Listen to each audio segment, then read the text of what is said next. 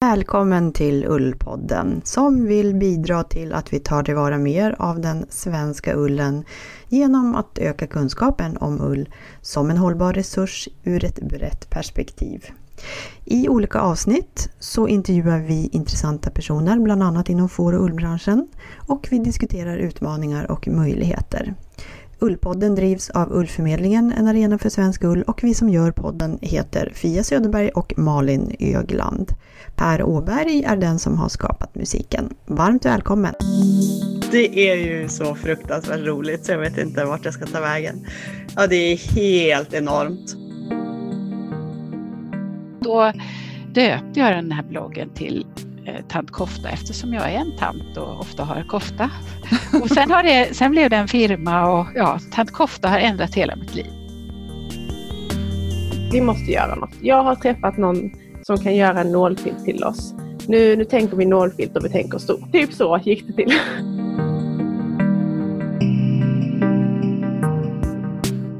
Hej alla lyssnare och välkommen till Ullpodden nummer 14, det första avsnittet år 2020. Hej hej! Är det 14? Är det inte 13? Nej, det är 14. Ja. Det förra var 13. Hur är det med dig Malin? Det är toppen! Tänk att det är det 14 avsnittet och eh, vi är redan inne på tredje året Ja, som vi sänder Ullpodden. det är jättekul. Verkligen roligt. Tredje året, det har jag inte tänkt på. Är det inte roligt, så säg att vi firar detta med att du har fått Guldbagge. Det är ju så fruktansvärt roligt så jag vet inte vart jag ska ta vägen. Ja, det är helt enormt. Och för alla då som inte vet så är det ju inte för mitt skådespeleri jag har fått den här Guldbaggen. Nej, det- fast du har ju en jättebra rad, radioröst. Tack, tack. Nej men det här är ju den riktiga Guldbaggen, eller hur? Så det här är alltså fårfestens eh, Guldbagge som de delar ut femte året i rad Mm. för att uppmuntra personer som är verksamma inom de områden där får är i fokus. Mm. Och då är det ju också så att det passar ju så himla bra att det är du. Du har ju verkligen får i fokus på alla möjliga sätt. Och dessutom eh, så är det ju så att årets fårfests motto för året är ju då For the future. Och då kan man ju verkligen säga det att eh, det är du. Du, alltså, du är ju for the future. Motiveringen så står det ju då Mm. att eh, Pia Söderberg, Ullförmedlingen, har Mm. skapat en modern plattform där en ullmarknad möjliggör en effektiv köp och säljprocess. En podd bistår med kunskap väsentlig för att, för att både producenter och konsumenter ska kunna göra bra val. Facebookgruppen underlättar och uppmuntrar informationsutbyte, diskussion och inspiration. Med stor kunskap och ett målinriktat förhållningssätt har Fia Söderberg bidragit till att öka utvecklingen av och tillgången till rätt ull till rätt användning.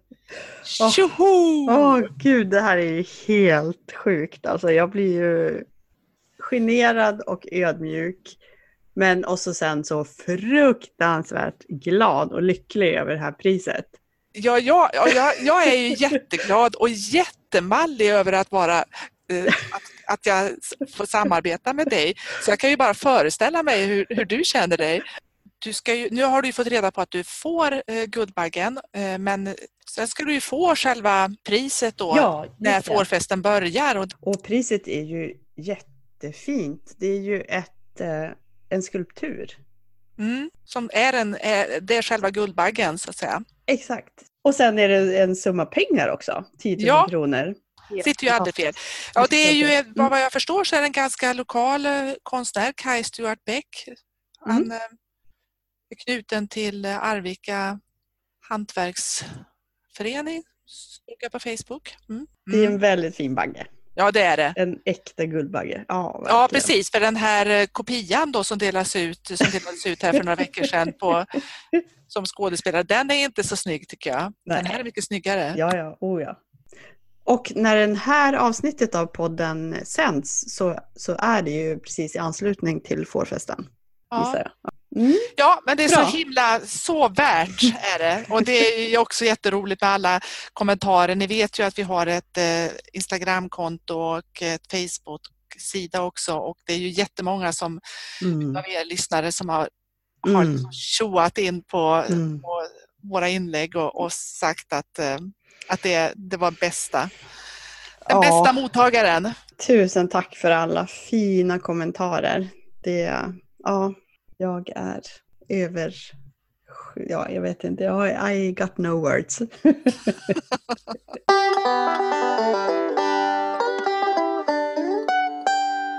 Sen har vi ju en jätterolig nyhet. Eh, du Malin har ju upptäckt att du har du är besläktad med själva ullindustrin skulle man kunna säga.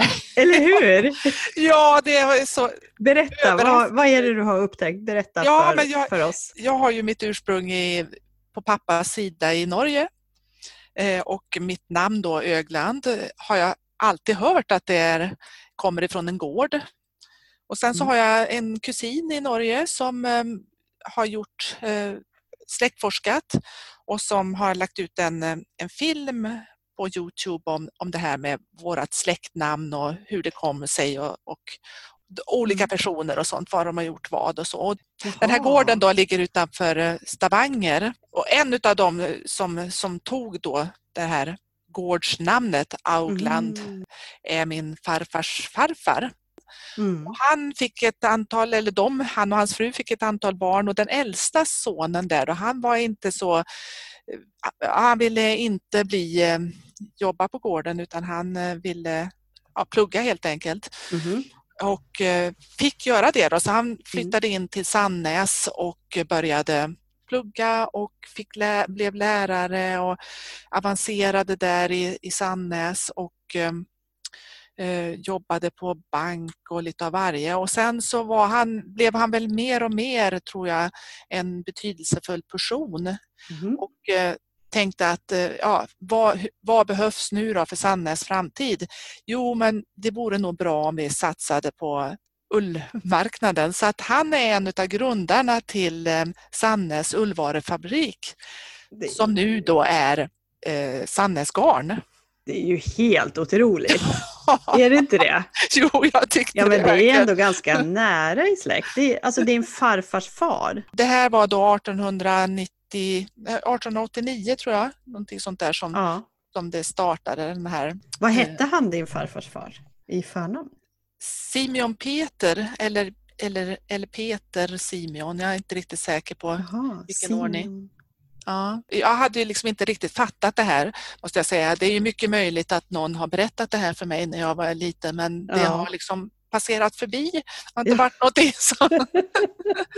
men nu har jag i alla fall letat upp. Jag hade foton på, på min farfars far så att, och det känns ju också väldigt roligt. Gud vad roligt. Ja, så nu måste jag ju naturligtvis eh, mejla till, eh, till Sannäs Garn och säga det här. Ja, men verkligen. Ja, det är en fantastisk historia.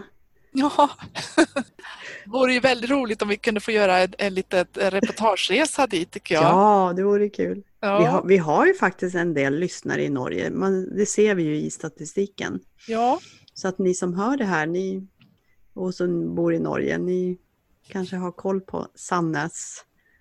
Mm. Mm. Och det är fortfarande en viktig industri i den, eh, på den orten. Va? Absolut. Ja. Det är det. Det är väl en av Norges stora garnproducenter. Ja, det tror jag. Jag tycker Mm. man, man ser det. De är ju Mm. ja, vad- i, i takt med tiden vad jag, vad jag tycker det verkar som när det gäller att, att Mm. utveckla modeller och, Mm. och garn. Men det vore ju jättekul om vi kan göra något reportage om Sannäs framöver på något sätt. Det tycker jag vi satsar Eller på. hur? Ja. till, till ära till Simeon. Fantastiskt kul! Mm. Mm. Du blir lite har- stärkt här i din, Ja, ja, ja. Ull, ull, eh, vad ska man säga, i din ullidentitet. Jag har ull i blodet. Fantastiskt kul. Ja, men i det här avsnittet så har vi ju träffat två intressanta personer. Så vi kommer ju få lyssna på en intervju med Lotta Blom, alias Tant Kofta, som många känner henne, henne som. precis. Och jag har träffat Charlotte Jansson som eh, håller på och bygger upp ett företag som heter CC Wool. som vill göra ullprodukter till eh, djur och de har tagit fram sin första produkt här. Så vi kommer träffa henne lite senare. Men vi kanske först ska börja lyssna på Lotta. Ja, Lotta Blom är ju en, en sådan eh, aktör inom eh, ull-Sverige mm. kan man säga. Och nu eh, har hon precis tagit fram en, ett, en egen garnkvalitet. Ett eget garn eh, tillsammans med Bovens spinnhus. Eh, och, eh, och det tycker vi på Ullpodden är roligt att, att uh, höra mera om det här med att uh, en, en egen aktör liksom tar, tar, gör, tar det här steget och producerar ett eget garn. Sen är det ju liksom extra kul då att uh, den ena garnkvaliteten här då är ju, har hon ju lästerull i. Lästerfåret var ju månadens fåras i förra Precis. avsnittet. Hon har tagit fram två garnkvaliteter och eh, den andra är det klövsjöfåret. Så, och eh, vad har vi tänkt att månadens fåras ja, ska vara? Ja, vi har faktiskt tänkt att månadens fåras ska vara just klövsjöfåret. Så vi återkommer till det. Ja, men ska vi ta och lyssna på Tant Kofta? Lotta Blom. Det gör vi. Här kommer hon.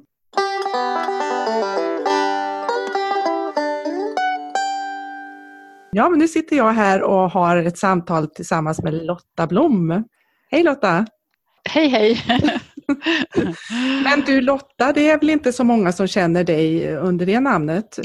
Nej, jag tror inte det. De flesta känner, har nog kanske hört talas, eller många har hört talas om Tant Kofta. Och det är ju mitt nickname så att säga. Just det. Och eh, hur kom det sig att du valde ett sådant namn då? Ja, det var, det var väl lite drygt tio år sedan så tänkte jag att jag skulle börja blogga. Och då hade jag ett yrke som jag inte ville vara så eh, offentlig i. Eller jag var offentlig i yrket men ville vara privat när jag bloggade. Ja. Och då döpte jag den här bloggen till eh, tant kofta eftersom jag är en tant och ofta har kofta. Och sen, har det, sen blev det en firma och ja, Sen ändra, tant kofta har ändrat hela mitt liv. Du eh, hade ofta kofta men du gör också ofta koftor va? Ja precis, jag har stickat många koftor eftersom jag, eh, en av de första grejerna jag började med var att sticka en kofta i ett stycke uppifrån och ner. Så det var liksom starten på det jag håller på med. Sen stickar jag på, stickar jag på många andra sätt också men du är ju en stor stickare, det vet jag ju, men det, ja. det du är också väl väldigt mycket känd för det är väl det att du färgar garnerna? Va? Ja, just det. Från början var det så att när jag var i 20-årsåldern så tänkte jag att jag skulle bli stor textilkonstnär. Men det blev inte så. Men jag har utbildat mig på Textilinstitutet i Borås och sen så har jag jobbat i skolan i många år. Och så började jag med den här bloggen för att koppla av först började jag sticka och sen började jag färga igen eftersom jag hade lärt mig det 20 år tidigare. Och nu så eh, stickar jag och färgar jag och håller föreläsningar och, jobb, och mycket av det jag, mitt, mitt favoritmaterial är ju ull.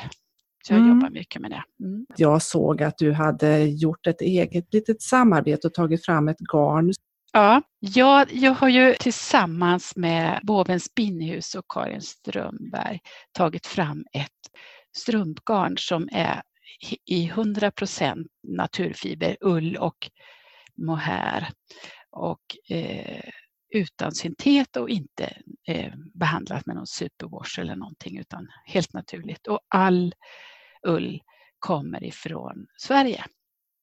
Och den är, det är väl dessutom alla steg är producer, eller utförda i... I Sverige, mm.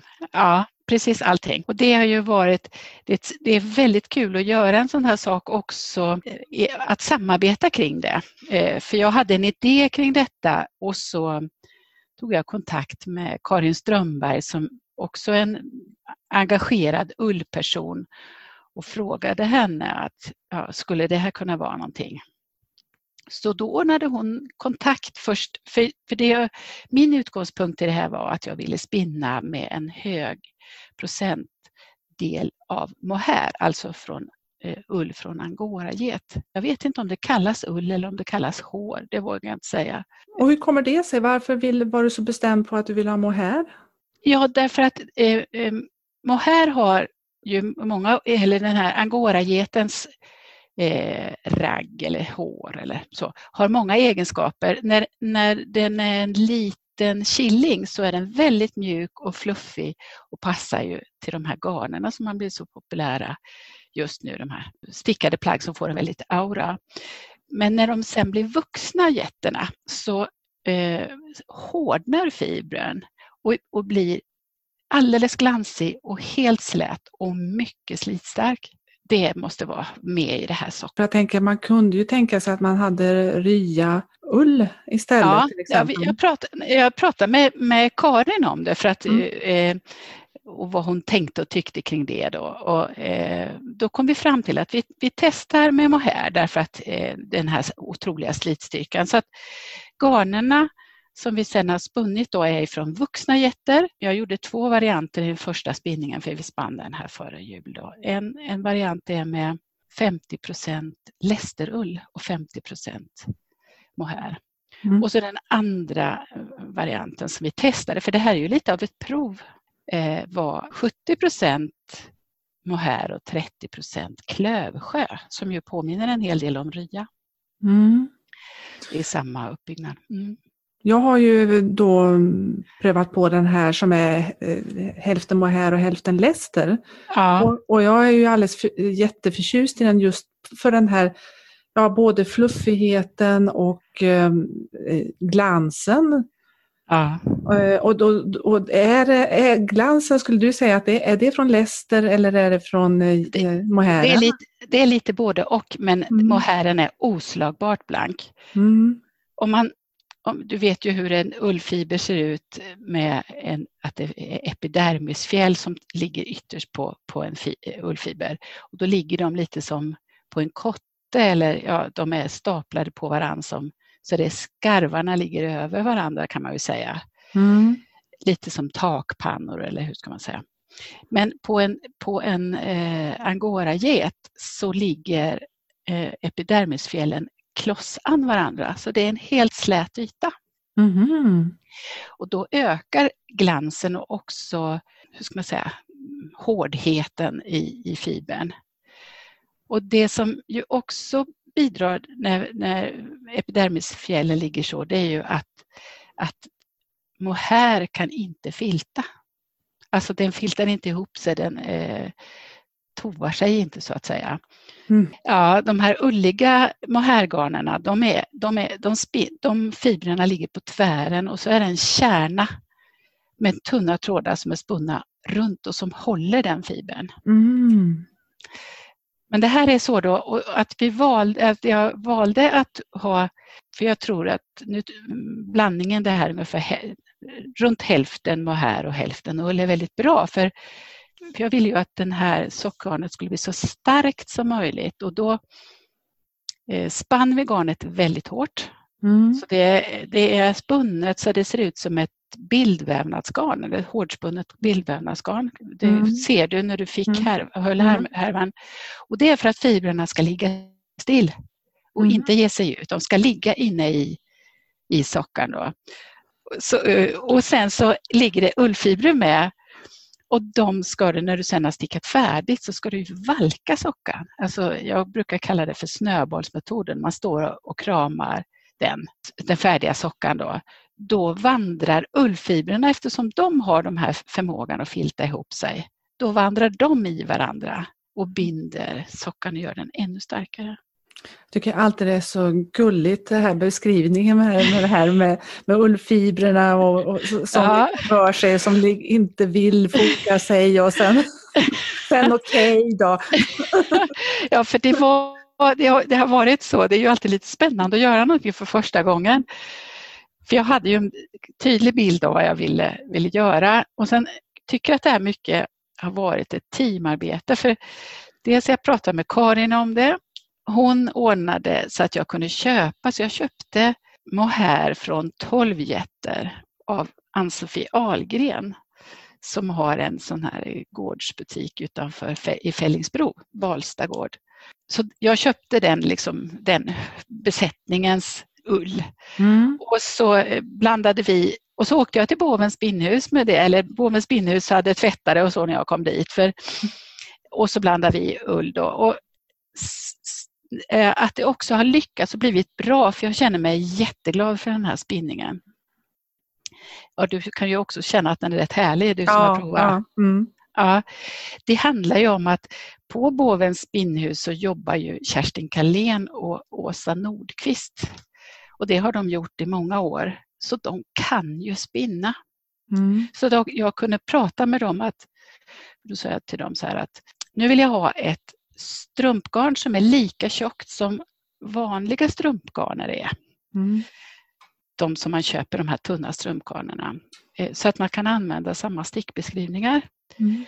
Men eh, jag vill ha det hårt spunnet och, eh, och så. Och, och då blir det ju en liten, ett litet äventyr för en spinnare för de kan ju inte jobba med samma garnvikter som man gör för ett, ett vanligt strumpgarn som består av 75 ull och 25% polyamid. Det är ju spunnet så att det är fluffigt. Det här skulle vara fast utifrån mm. att öka hållfastheten. Då. Mm. Så att det blir ett mycket tyngre garn. Och då, så när man tar en sån här härva som ser jätteliten ut så känner man wow vad tung den är. Och det mm. handlar om att det är mycket fibrer som ligger i då. Mm. Så att, mm. att det ska bli en stark socka. Mm. Jag tänkte också att eh, det var ju ovanligt tunt tyckte jag, liksom för att mm. vara spunnet då på ett eh, svenskt spinneri. Mm. Och, och, vi har ju, tidigare i podden har vi ju pratat med um, Rebecka Josefsson som uh, prövade att ta fram ett tunt uh, Gotlandsgarn i, mm. uppe i, i um, Ullforum. Och, och det är ju också en minimill. Jag antar att det är ungefär samma typ av ja, spinneri och de ja. säger ju att de gör en typ av, att det här det garnet som Rebecka tog fram var ett semikamgarn Ja, det är det. Eh, minimillarna, minimillarna är, är ju, är ju kam, halvkamgarnsspinnerier kan man säga för garnet, eh, ullen parallelliseras till, till viss del så den kardas ju inte bara utan den sträcks ju i, mm. i kardband och så.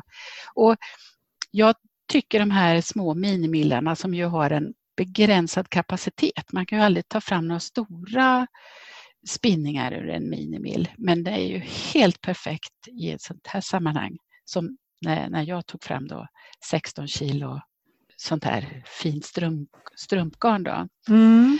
Så det var helt perfekt. För ett stort spinneri, de vill inte befatta sig med en sån här specialblandning och en sån här in, inställning då. Utan det, eh, det kunde ju Åsa och Kerstin fixa till ganska lätt efter, eftersom de har den kompetensen mm. och den mm. kunskapen. Mm. Jag har ju köpt andra stickbeskrivningar och stickkit från dig då när du har ehm, eh, när det gäller socker.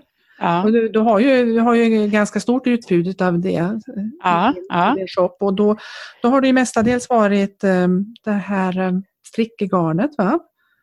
Det, det, mina strumpgarner kommer ifrån Eh, de, här klassiska vanliga strumpgarnerna mm. kommer från ett företag som heter Atelier Citron i Tyskland. Mm. Och det heter Trekking. Det Trekking, så, ja just det, precis.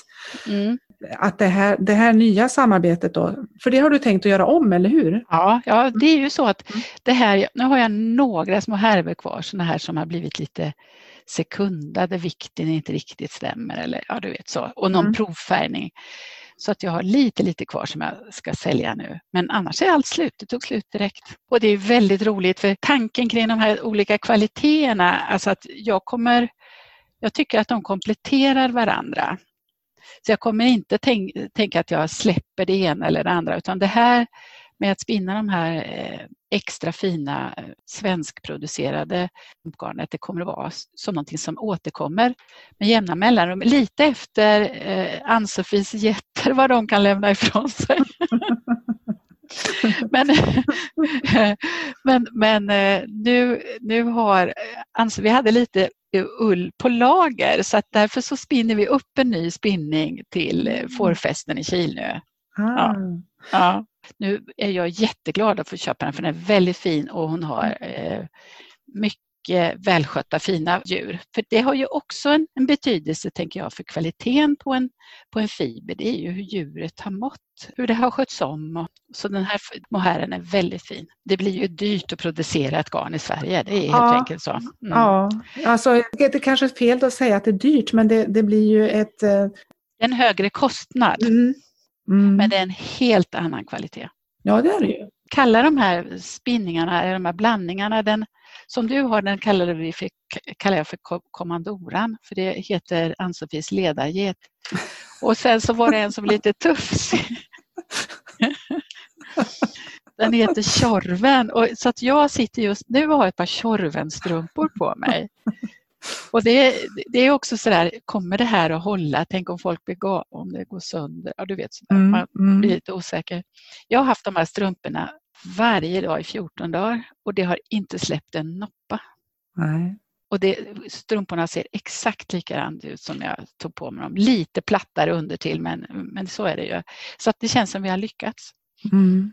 Eh, dessutom så har, har, du ju liksom en, eh, du hade nu ska vi se här, fyra olika färger nu i den första liksom, editionen. Eller? Ja, just det. För det, jag tänker så här att eftersom det här blir, det blir små spinningar och inte, hur ska man säga, det, det finns inte i så stor mängd så, så tänker jag att då är det roligare att göra dem, dels för mig själv men också för, för de som köper strumpor. Att, att jag gör en liten ny färgskala varje gång. Mm. Med fyra färger har, jag bestämt mig för. Och var, vid varje spinning så gör jag något som jag kallar för årsring. Mm. Så längst upp så i garnpaketet så ligger det med en litet, litet nystan och, eh, som man kan sticka längst upp i, i, kanten på strumporna. Så vet man. Och så första årsringen den var blåbärsblå nästa gång, jag, jag, har faktiskt bestämt vad den ska vara när jag kommer till fårfesten. Då ska den vara kimröksgrå. Eftersom jag ska färga, två färger är bestämda. Det kommer att bli faluröd och ockragul. Och så får vi och så får vi se det, så det, vad det blir med de andra två. Jag, har lite, jag, jag, prov, jag håller på att provfärga för att det är annorlunda att färga på ull har en gul ton. Alltså det finns en liten vete, gul vetemjölston men mohair är kritvitt. Så att då måste man ställa om färgblandningarna för att få de färger man vill ha. Mm. För att det ska bli riktigt bra. Då. Mm. Så att det håller jag på med och så tar den färg på ett annat sätt så att eh, jag får använder mycket mindre färg och sådär för att få det jag vill ha. Men du, du har ju också andra projekt har jag förstått när det gäller 100% liksom, ullgarn. Ja, det som jag drev som ett projekt förra som blev färdigt i våras här, det var det här att sticka och valka. Att man stickar tröjor och krymper mm. i tvättmaskin och lite för hand och får ett alternativ till den plastiga flisen. Mm. Och det har varit väldigt roligt. Många som har stickat och väl är på gång och börjar sticka sådana koftor nu. Mm. Mm. Jag tänker det verkar så riskabelt det här att liksom att, eh, ja men en sak är att göra en, en stickbeskrivning men sen liksom, när folk ska tvätta dem i sina tvättmaskiner. Ja, just det. Och är alla likadana? Funkar det liksom? Går ja, det? Vi, vi gjorde så för att vi skulle få en trygghet i det här då, för jag ville göra en generell inte alltför svår stickbeskrivning som kunde passa till alla storlekar. Så mm. att man kan sticka, så jag brukar säga att man kan sticka från minsta unge till största gubbe kan få en sån tröja. Och då bad jag lite kompisar och sådana jag kände till så att jag hade två referensgrupper som stickade efter beskrivningen. Och då var det väl ungefär 25 personer som stickade tröjor eller koftor. Mm. Och, och det var både handfärgat eller handspunnet garn och eh, maskinspunnet garn av olika kvaliteter. Jaha, det var så också? Det var inte samma? Jajamän, nej, nej, nej, nej, alla möjliga. Så det var eh, någon stickade med väldigt mjukt garn och någon stickade med grövre och sådär. Utav de här personerna så var det alla utom två var jättenöjda med sina koftor. Mm. En hade gjort ett, ett handspunnet garn som var lite överspunnet så det var, för mycket, det var mycket tvinn i det och så var det entrådigt och den koftan vred sig och det förstärktes i valkningen i mm. tvättmaskinen. Så den blev väldigt vriden. Men det visste den här tjejen som gjorde det. Hon kände på sig att det kommer nog bli så. Och när jag pratar om den här valkningen så brukar jag rekommendera att man valkar i 30-40 grader i 30-40 minuter mm. med mm. sällskap som puffar så att det filtar ihop sig. Och då någon som inte tänkte så var hon, hon satte igång tvättmaskinen på ett sånt här energisparprogram mm. och de går i tre timmar. Mm. Så den blev väldigt liten. Men du, om man, man det här med sällskap då, om man slänger i några eh, frottéhanddukar, kommer de ut som ullnystan då sen? Nej, nej, nej, det händer, ja. ullen ligger ju fast i. Det gör så det. Mm. ja, ja, ja. Mm. Jag brukar faktiskt, jag valkar ju väldigt mycket. Jag tar lite av det som ligger i tvättkorgen. Mm. Som är liksom, det funkar ju så att en ullfiber har ju, är ju som en kotte med fjäll på. Mm. Och, och, de här fibrerna ligger ju inne i stickningen. Då. Och om det är någonting som buffar på det, knuffar på det, antingen om man valkar för hand genom att klämma och rulla eller i en tvättmaskin eller något buffar. När någonting får en knuff så rör den sig. Mm. Och eftersom det, de här fjällen, vet man klappar en katt så kan man klappa åt ena hållet men inte det andra. Mm. Så då kan det bara, för varje buff så rör sig fibrerna lite grann och kryper närmare och närmare längre i varandra för varje buff. Då. Så därför så måste det vara någonting med mm. som knuffar på. Okej, och du, eh, jag har för mig att du har sagt i någon sån här beskrivning att det, bara, det, det, det krymper så att säga bara åt ett håll, det buffar mm. åt ett håll också. Ja, på, det krymper på höjden och väldigt lite på bredden och det har med hur att mask, den stickade maskan har det utseendet. Mm. Den är hög, den går på höjden och så vänder den och går, den går liksom eh, lodrätt kan man säga och sen så går den upp och en liten bit vågrätt och så ja, ner igen djupt lodrätt. Mm, mm. Och då krymper det ju på samma sätt. Mm. Så det krymper på höjden men väldigt lite på bredden. Mm. Mm. Just nu, jag får ju berätta för det här är väldigt kul. För när jag börjar med någonting så kommer jag alltid på ja men det här måste jag prova också. Så att just nu så eh, håller vi på och jag har fått hjälp av många eh, med ett stickhäfte om hur man stickar små väskor och eh, gömmen och börsar. Och så har många jag har fått hjälp med brodöser som har broderat och dekorerat. Så det kommer snart här nu. De blir, det är ett fantastiskt material, den här tätt, först stickade och sen valkade ull, ullen. Då. Det blir jättefint. Mm. Vad kul, är det, kommer det också med till fårfesten? Det är tänkt så ja. Så ja. nu sitter jag och skriver och monterar så mycket jag hinner. Mm. Sätter i foder och ja. Så. Mm. Vad roligt. Ja, men Ullpodden försöker ju lyfta det här med, med ehm, svensk ull och användandet mm. av svensk ull och, och så vidare. Mm. Och det här är ju ett, ett kul och um, intressant exempel tycker vi. Mm. Men, oh, men hur tänker du själv? Vad, vad, vad tänker du liksom utifrån från där du befinner dig? Var, där jag befinner mig, det, för det första måste jag säga att väldigt, eh, svensk ull, många jag är väldigt förtjust i de, i de lantrasfåren, alltså, som inte är så där himla finfibrig utan har lite mera eh, med täckhår och bottenull för den, den är så fantastisk och rolig att jobba med när man valkar till exempel. Mm.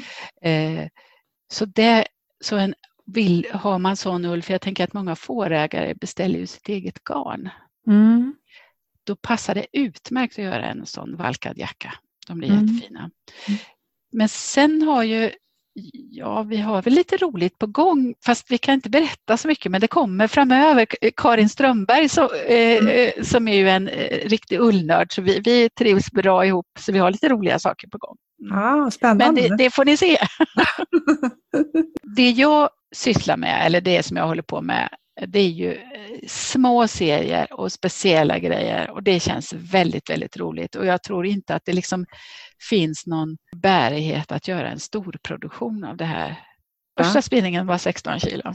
Jätterna lämnar ifrån sig ull så spinner vi mer så att eh, tanken är kanske att det kan bli en liten spinning i, början på sommaren, sen är det till hösten igen. Då. Mm. Ja, och då den här årsringen, blir det en ny färg? Ja, för varje spinning ja. och för varje gång jag färgar ja. nytt. Och jag tänker att kanske återkommer någon färg, men, men jag tycker att det är roligt att byta, och, eh, både för mig och för de som köper garn. Att veta mm. att jag har... Då blir, då, ja, just det, då blir det som en typ kollektionsfärg? Ja, eller? det kan man säga. Mm. mm. Mm. Så varje spinning. Och så ska vi eh, nu har vi testat, vi ska vikta om lite grann med, så nästa, det kommer att bli en kommandoran 2.0 nästa spinning och den kommer att bestå av 60 procent mohair och 40 procent lästerull. Så, mm. så det blir ett litet mellanting mellan de här två. Så det blir kommandoran 2.0.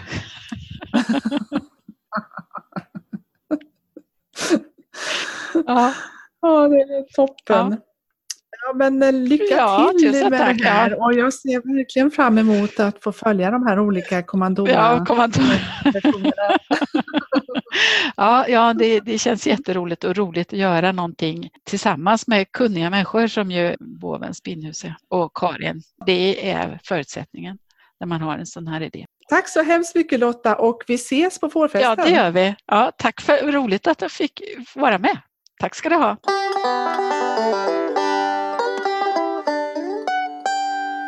Ja, men det är ju så roligt eh, att eh, Charlotte Jansson och Kalle Allared har eh, börjat ta fram produkter till djur. Och eh, den första produkten är en filt för hundar. Eh, Charlotte är också hästmänniska och har många idéer kring produkter för hästar. Och, eh, vi får också höra om en eh, stor nyhet och en helt annan verksamhet som de håller på och bygger upp. De bor på en gård i Halland. De har ju egna får också. De är ju i Laholm, var det mm. det? Så här kommer Charlotte.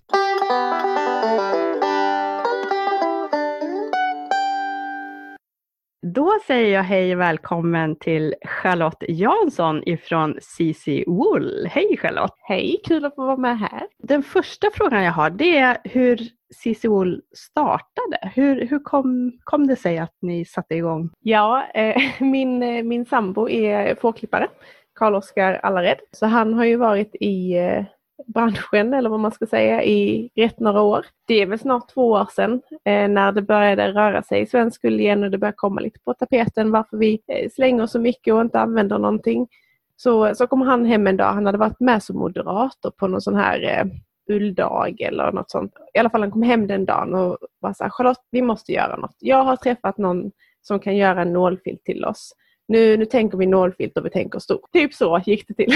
Jag kan ju ingenting om ull och inte alls liksom ullintresserad egentligen. Men jag är hästintresserad. Okay. Jag har ju bott i Australien tidigare och där använder man ju mycket mer ull i schabrak och sadelunderlägg till, till häst. Så då så började spårningen på att vi skulle göra ett ullschabrak i svensk ull. Okej. Okay. Så det var egentligen där vi liksom började. Okej, okay. ja. och det är två år sedan ungefär nu då? Ja, mm. det måste det vara. Och hur har de här två åren varit? Om idén kom för två år sedan så eh, lanserade vi vår eh, webbshop i december 2019. Mm. Så att det tog mm. två år eh, att komma dit. Mm. Och första produkten vi lanserar har ingenting med häst att göra utan det är en hundfilt. Okay. Så att vägen har varit allt annat än, än rak. Men vi hoppas att det kommer eh, schabrak. Eh, vi har en modell mm. klar och en produkt som funkar som har varit testad av rätt många ryttare vid det här laget. Ja, vi har ett 30-40-tal ryttare eh, som eh, har prov, provat eh, diverse olika prototyper åt oss. Okej. Och, och, nu så har jag en modell som jag är nöjd med. Är det en större utmaning att göra ett schabrak än en hundfilt? Ja, det är det. Eh, jag hade ju en sån här jättenaiv tanke. Eftersom jag aldrig gjort det här innan så är man ju jättenaiv och bara kastar sig in i det. Så jag hade en naiv tanke om att det var ju bara att liksom göra ett schabrak så som man tyckte det såg ut och så var det bra liksom. Och så provred jag i liksom prototyp 1 själv och jag bara, men gud, det här funkar ju inte alls. Det klämmer och det är trångt och det kasar och det är liksom att nu är vi inne på, alltså jag vet inte ens vilket prototypnummer det här är, men vi har gjort ganska många och ändrat och tweakat och mm. ibland har det varit stora ändringar och ibland har det rört sig om liksom en halv millimeter mer här eller mindre där. Mm. Så att Ja. Just det, för det är en större utmaning eftersom det ligger under en sadel och det är friktion och rörelse när man rider till exempel. Precis, så ska det ligga still och, och det är liksom och så ska det inte klämma och störa hästens rygg. Och så, så det passar under, ja, nej det har varit mycket men det har varit, har varit jättekul och jag är supernöjd med, med det schabrak mm. jag har idag. Ja, vad eh, spännande. Eh, ja, så det är ju, eh, även om det har tagit lång tid och jag har varit väldigt frustrerad mellan varven så känns det bra att det har fått ta så lång tid så att man mm. verkligen kan vara nöjd över den produkten man släpper. Mm. Borde finnas en stor efterfrågan tänker jag. Det finns mm. ju flera hundratusen hästar i Sverige va? Ja, 355 tror jag. Och må många av deras ägare vill väl kanske också va, ha klimatsmarta produkter. Ja, det är ju förhoppningen. Ja, just det, du har varit inne lite på det, men just det där, eh, varför just produkter till djurägare? Var det, var det ditt intresse för hästar mm. som gjorde det? Liksom? Mm. Ja, det var det. Um, för det var ju där vi liksom började med schabrak och så började vi spåna på lite tecken och benlindor och så här. Och sen så började vi prata om hund också, för vi har ju själv, eh, själva hundar. Mm. Um, och märkte ju ganska snart att när jag eh, la en av de här första schabrakprototyperna på golvet och sen när jag liksom tyckte att nu var det där bara skit, för det funkar inte, jag skulle inte ha det. Så, men där låg ju hundarna. Jaha. Så bara, och sen så kom katterna in och la sig på ullfilten och man bara, ja, vi får nog börja fundera på det här. och, och var vi än lägger de här eh, schabrakprototyperna eller ullfiltarna nu så, så följer hundarna och katterna efter. Ja. Är det någon särskild typ av ull som ni har använt? Nej. nej. Um, eller jo, det ska jag inte säga nej på. Men det är blandade. Um, för vi har ju då gjort en nålfilt. Um, och om man filtar bara vit ull så har man väldigt mycket spill. Uh, för den tovar inte ihop sig. Mm. Så då har vi blandat in uh, grå ull. Mm. Så gotlandsull. Mm. Så att i våra, vi har olika, gjort några olika omgångar med filt då och en som var 20 eh, Gotland och 80% vit. Och det räcker för att man ska få det att tuva ihop sig. Sen blir den färgen lite för, för ljus för att ha ett stall. Så det är därför vi nu har hundfiltar i vår webbshop. För att då kan den gärna vara lite ljusare för det är fint. Um, och sen så då är de, eh, det som ska vara till hästarna så har vi större andel eh, Gotlandsull för att få en mörkare färg. Okej. Okay. Och i hela produktionen gjord i Sverige? Ja, det är det. Det är så? Ehm, ja, tvätten är inte i Sverige. Ehm, men sen så har vi filtning och eh, sömnad eh, i Sverige. Eh, på schabraken så har vi läderdetaljer i nöthud från Tandsjö. Mm. Och på hundfiltarna så har vi läderdetaljer av halländsk tackor. Som det, det lädret är dock berett i Italien men det är tackor från Halland. Så det, känns, det känns faktiskt väldigt roligt att, att kunna använda det. Om du tänker på ert arbete som ni har gjort och som ni gör, vad tycker ni är den största utmaningen? Att hitta folk som, som kan och vill eh, jobba med ull och eh, faktiskt eh, industrierna. Vi hade en, en himla tur och eh, fick en fot in på en industri i, i Halmstad eh, mm. som hjälpte oss att göra nålfilten. Mm. Eh, alltså industrierna har ju inte alls varit intresserade av svensk ull för det enda de har vetat om svensk det är ojämn kvalitet och, eh, och skitigt, alltså mycket organiska material. Mm. Eh, så att det har varit en jättestor utmaning att liksom få mm. komma in och, och hitta rätt. Men har de ändrat uppfattning nu då i och med ert arbete? Tror du? Nej, de som vi har kontakt med är, är mycket, mycket mer positiva i, i dagsläget. Det tycker jag. jag tänker säga. att de får se vad man kan göra. Mm. Liksom. Att... Och att, att det går att få ullen ren. Den behöver inte vara 40% halm bara för att den är från Sverige.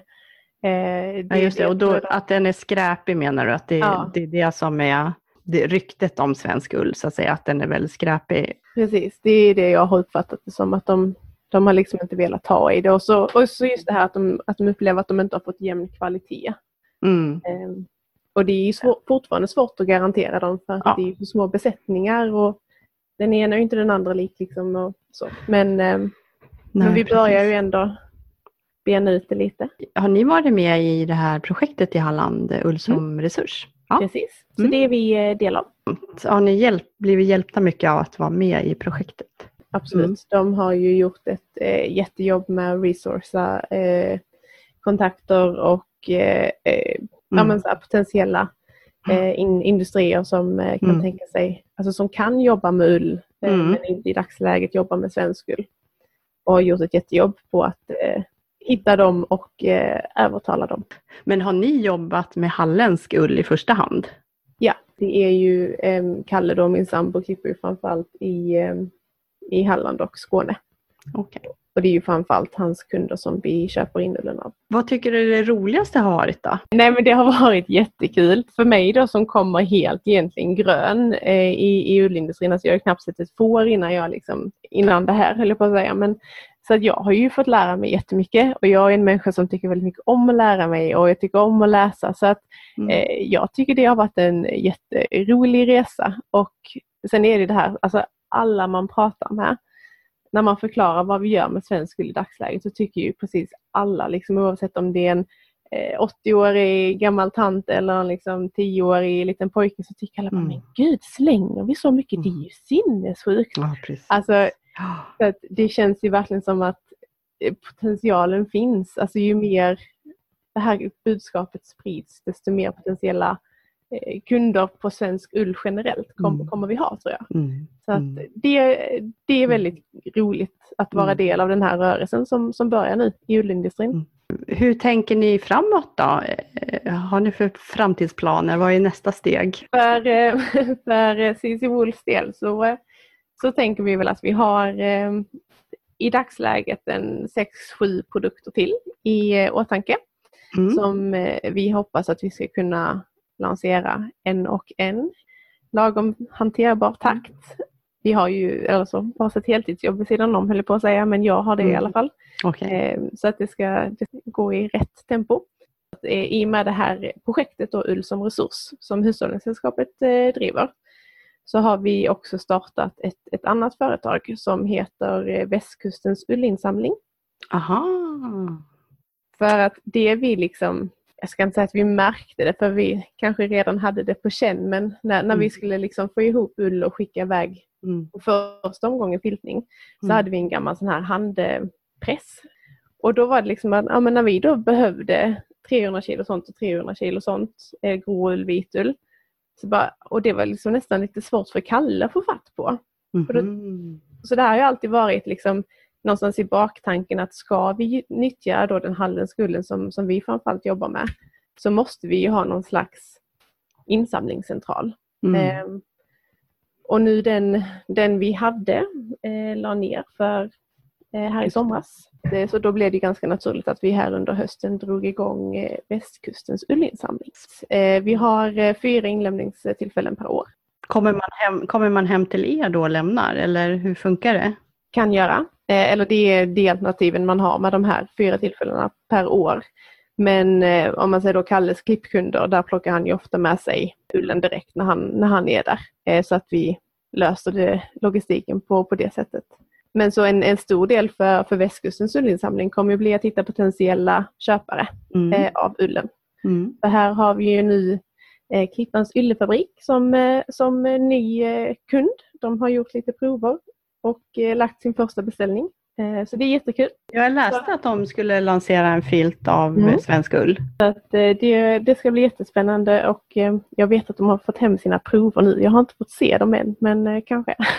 Egentligen så kan jag väl tycka att även om CC Wool och, och våra produkter, det är ett jätteroligt företag och jätteroligt att jobba med. Men den, den stora utmaningen ligger ju att jobba med, med västkustens ullinsamling och kunna förmedla lite volymer och hitta potentiella industri, industriella köpare. Mm. Hur, hur, tänker ni där då kring eh, liksom sortering och kvalitetsbedömning och klassificering? Har ni, har ni funderat på, på de, de stegen? Liksom? Mm. Alltså allting beror ju på vad man har för köpare.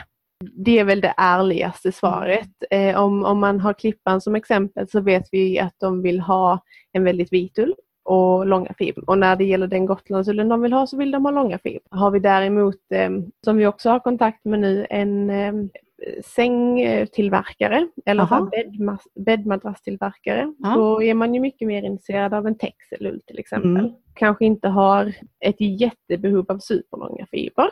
Och, och det är ju det som jag kan tycka är lite av en catch 22. För samtidigt när man, att man måste ha någorlunda homogen blandning och så måste man ha väldigt mycket av den blandningen.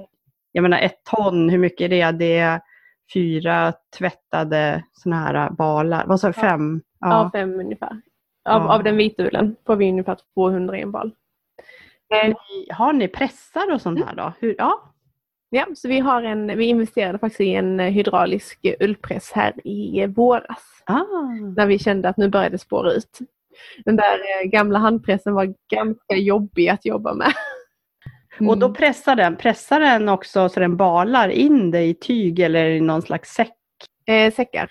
Okej. Okay. Eh, så då får vi i, eh, av den vita ullen så blir de ungefär 200 kilo tunga och av mm. den gråa, alltså den är mycket mer kompakt den gråullen, eh, som 250 drygt kilo blir det i en sån bal. Okay. Vad kostar en ullpress? Vi köpte ju då en begagnad ja. eh, som stod på Gotland innan, eh, som fårklipparna där samägde. Tror att vi gav typ 80 för den. Mm. Men det var ju jättespännande att höra om det företaget. Nej men alltså, det, är, det är ganska nytt och, mm. eh, och, och, det är ju kanske där som eh, det här Ull som resursprojektet hjälper oss mest. Mm. Med kontakter och nätverk. Men hur är det, visst har ni egna får? Ja. Vi, eh, det har vi. Vi lammar ungefär, jag tror vi ska lamma 180 eh, i mars. Och sen så har vi lite vinterlandsproduktion också. Är ni anställda med får, alltså i fårföretaget också eller är det liksom en fritidssysselsättning? eh, Kalle är ju eh, anställd om man okay. säger så. Mm. Alltså han, har ju sitt, eh, han klipper ju på heltid. Eh, säsongsvis i alla fall. Och sen mm. så är han liksom fårbonde. Och jag är heltidsanställd på annat håll och har fårverksamheten som hobby. Och vad har ja. ni för sorts får? Vilken, är det korsningar eller någon särskild ras?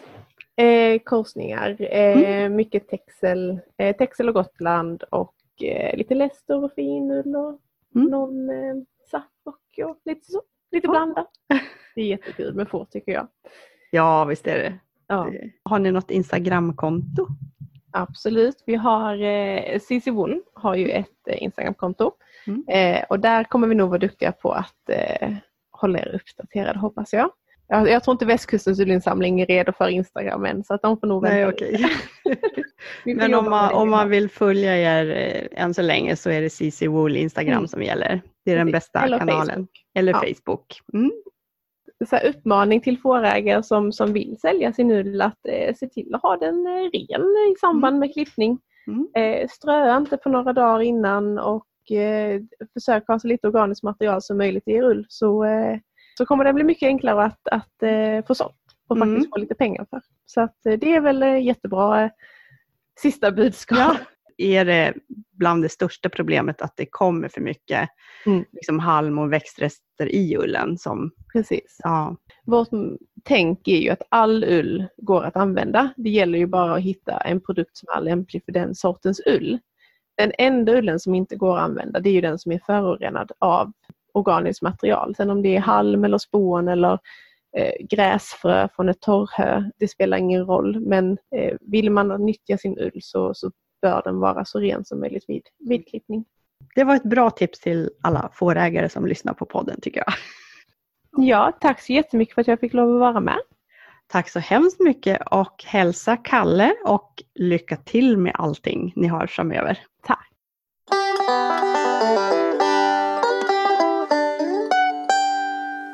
Då har det blivit dags för månadens fårras. Och som vi har avslöjat redan så är ju månadens fårras klövsjöfåret. Har du sett ett klövsjöfår någon gång Malin? Inte säker på att jag gjort Nej. det faktiskt. Det är ju ett av de här tio allmogefåren. Vi har ju tidigare pratat om allmogefåren lite i klunga kan man säga. Men sen har vi också haft ja. en presentation av Värmlandsfåret. Men vi tänkte ibland att vi backar tillbaka till de här allmogefåren och tar dem en och en också, för det är lite intressant. Intressanta får och intressant ull. Mm. Ja, precis. Vet du om du har använt ullen? Nej, jag tror inte det. Och nu var det ju så som sagt där att, eh, att, att eh, Tant Kofta har ju gjort då eh, en kvalitet då med klövsjöfår och mohair eh, och den andra då är läster och mohair. Ja, men, men jag köpte, jag köpte ju då den här, eh, eftersom vi hade pratat om lästerfåret då, så köpte jag eh, den som var med läster. Så det är det garnet som jag stickar i nu. Om man tittar på klövsjöfåret då, så är ju de, ja de härstammar ju från Klövsjö förstås, för de här allmogefåren har ju en lokal anknytning. Och genbanken startade 2003 eh, hos Maj Olander i Klövsjö. Och de finns i färgerna vitt och svart. Det är ganska stora får, eh, ovanligt stora för att vara allmogefår faktiskt. En tacka kan väga mellan 45 till 70 kilo och bagge 60, ja, oj, 60 till 80. Så att det är en sto ett stort får för att vara en allmogeras. Eh, mankhöjden tacka 55 till 70 centimeter. Jag gissar att tackorna är goda, goda eh, mammor. Jajamensan. Eh, tackorna är goda mödrar, tar hand om sina lamm. Det roliga är att de, som ganska många allmogor får faktiskt, kan brunsta året om. Vilket gör att man kan få lamm eh, olika tidpunkter på året. Eh, en del andra raser brunstar bara en gång per år på hösten, som Gotlandsfåret till exempel. De får oftast också två eller tre lamm, så de får ganska många lamm. Ja, och mm. fylingar har förekommit och även enfödda lamm. Och eh, de kan som sagt vara vita eller svarta med vita strumpor. De kan också ha lite vit täckning i ansiktet och vara svarta.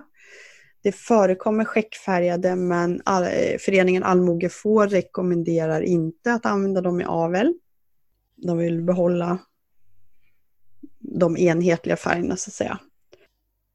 Och om man tittar på ullen då, då är det en ull av rya-typ som, som har en otrolig glans och lyster.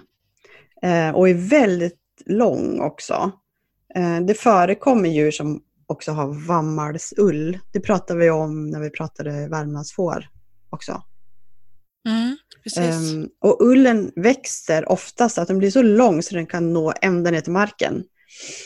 Och så har den liksom en tydlig mittbena på ryggen. Så. Och det väl, jag har sett skinn av klövsjöfår. De är helt fantastiskt fina. Otroligt vackra. Och just eftersom de är så glansiga. Och ullen passar utmärkt till hantverksändamål, spinna, tova. Ansiktet är ullfritt och svansen är kort, för det är ju också eh, en av de här kortsvansade nordeuropeiska fåren som har en lång historia här uppe i Norden. Ja, just det, de är exemplariska mödrar till och med. och de är väldigt tillgivna, står det här på Allmogefårföreningens hemsida. Ja, jag sitter ju bara och väntar på den här stora frågan då. Har de något fotbollslag? Har du kollat ja, det? Ja, det har de. Det finns i alla fall en idrottsförening, Klövsjö IF, och eh, där det ingår ett fotbollslag också. Där ser man, där ser man. Mm. Det är kanske därför de är så stora, liksom för att de är bra lagspelare. Ja, precis. Det står faktiskt här också att eh, Baggen kan vanligen gå med flocken hela året. Han är väldigt beskyddande mot tackorlamm. Mm. Mm. Så han kanske har inspirerats av fotbollslaget. Vad vet jag. Nej men eh, jag har ju sett några klövsjöfår i verkliga livet och jag tycker att det är fantastiskt eh, vackra får. Ullen Roligt. är ju väldigt, väldigt vacker i och med att den är väldigt glansig. Jag tycker, jag tycker det är kul det här liksom med att vi har det här med, med månadens fåras och lyfter de här mm. olika, den liksom bredd och rikedom som vi har i Sverige mm. med olika ja. ullsorter och så här. Så att det, mm. Också det här med, eh, som, eh, som Lotta Blom pratade om, det här med att, att an, uppskatta det, den bredden och använda mm. den ullen eh, mm. som passar till rätt, ja, rätt kvalitet till rätt rätt eh, användning så att Precis, säga. Precis, och jag tror de här, just de här lantraserna och där allmogefåren ingår, de har ju en otrolig potential, eh, den mm. ullen. Mm.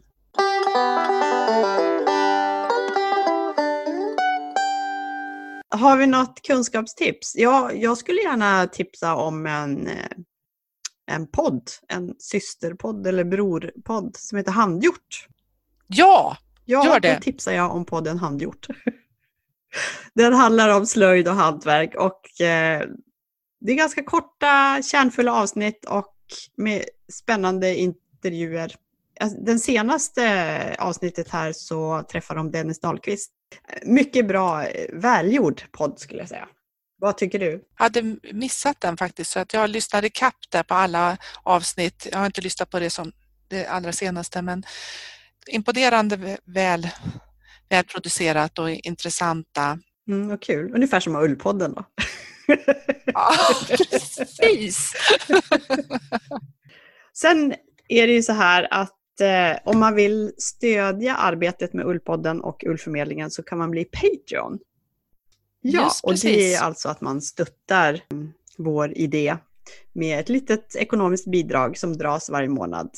Och man registrerar sig på patreon.com ullformedlingen. Och vi har fått några nya patrons som vi vill tacka och allra ödmjukast. Och det är Elina Alm, Natalia Natalia Stern. Lotta Blom och Textilresan. Massor med tack till er som har tecknat er som nya patrons. Och Och, och tack. ja, bock och tack. Och välkomna alla nya som vill joina oss. Förra gången hade vi ju en hel del boktips och jag har faktiskt köpt några böcker som du tipsade om. Måste jag säga. När, ja, när Ah, Testamente har jag börjat läst. Ja, jag gillar den. Mm. Och jag köpte även den här Osebol. Och Mm, den var ju kul. jättetjock.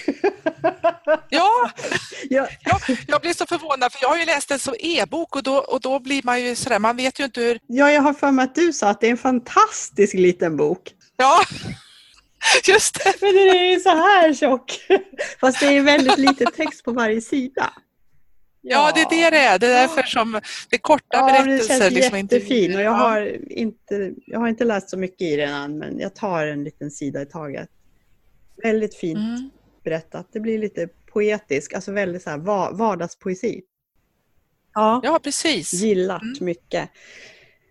Mm. Precis, och vill du också köpa böcker från Adlibris eller Bokus så gör det gärna via våra länkar så får Ullpodden och Ullförmedlingen en liten provision på ditt köp fast du betalar exakt samma summa om du köper från genom att googla eller från ditt på annat sätt. Och de länkarna finns på Ullförmedlingens hemsida och dyker upp ibland i våra sociala medier ska vi också tipsa om att vi finns på Instagram. Om ni vill följa oss. Instagram snedstreck ullformedlingen. Sen har ju du ett eget Instagramkonto. Jajamän, Rut och Randi heter jag där. Och jag har också ett konto som heter Lammfia. Varmt välkomna att följa oss. Och sen har vi ju framförallt Facebook, Facebook-sidan Ullpodden. Men eh, vi glömde ju säga i början att 2020 har börjat och självklart så fortsätter Ullpodden. Så vi återkommer ju till er under året naturligtvis med fler avsnitt. Yes. Yes. Tack för idag för att ni har lyssnat och vi ses igen. Vi ses igen. Ha det, Ha det gött. gött. Hej!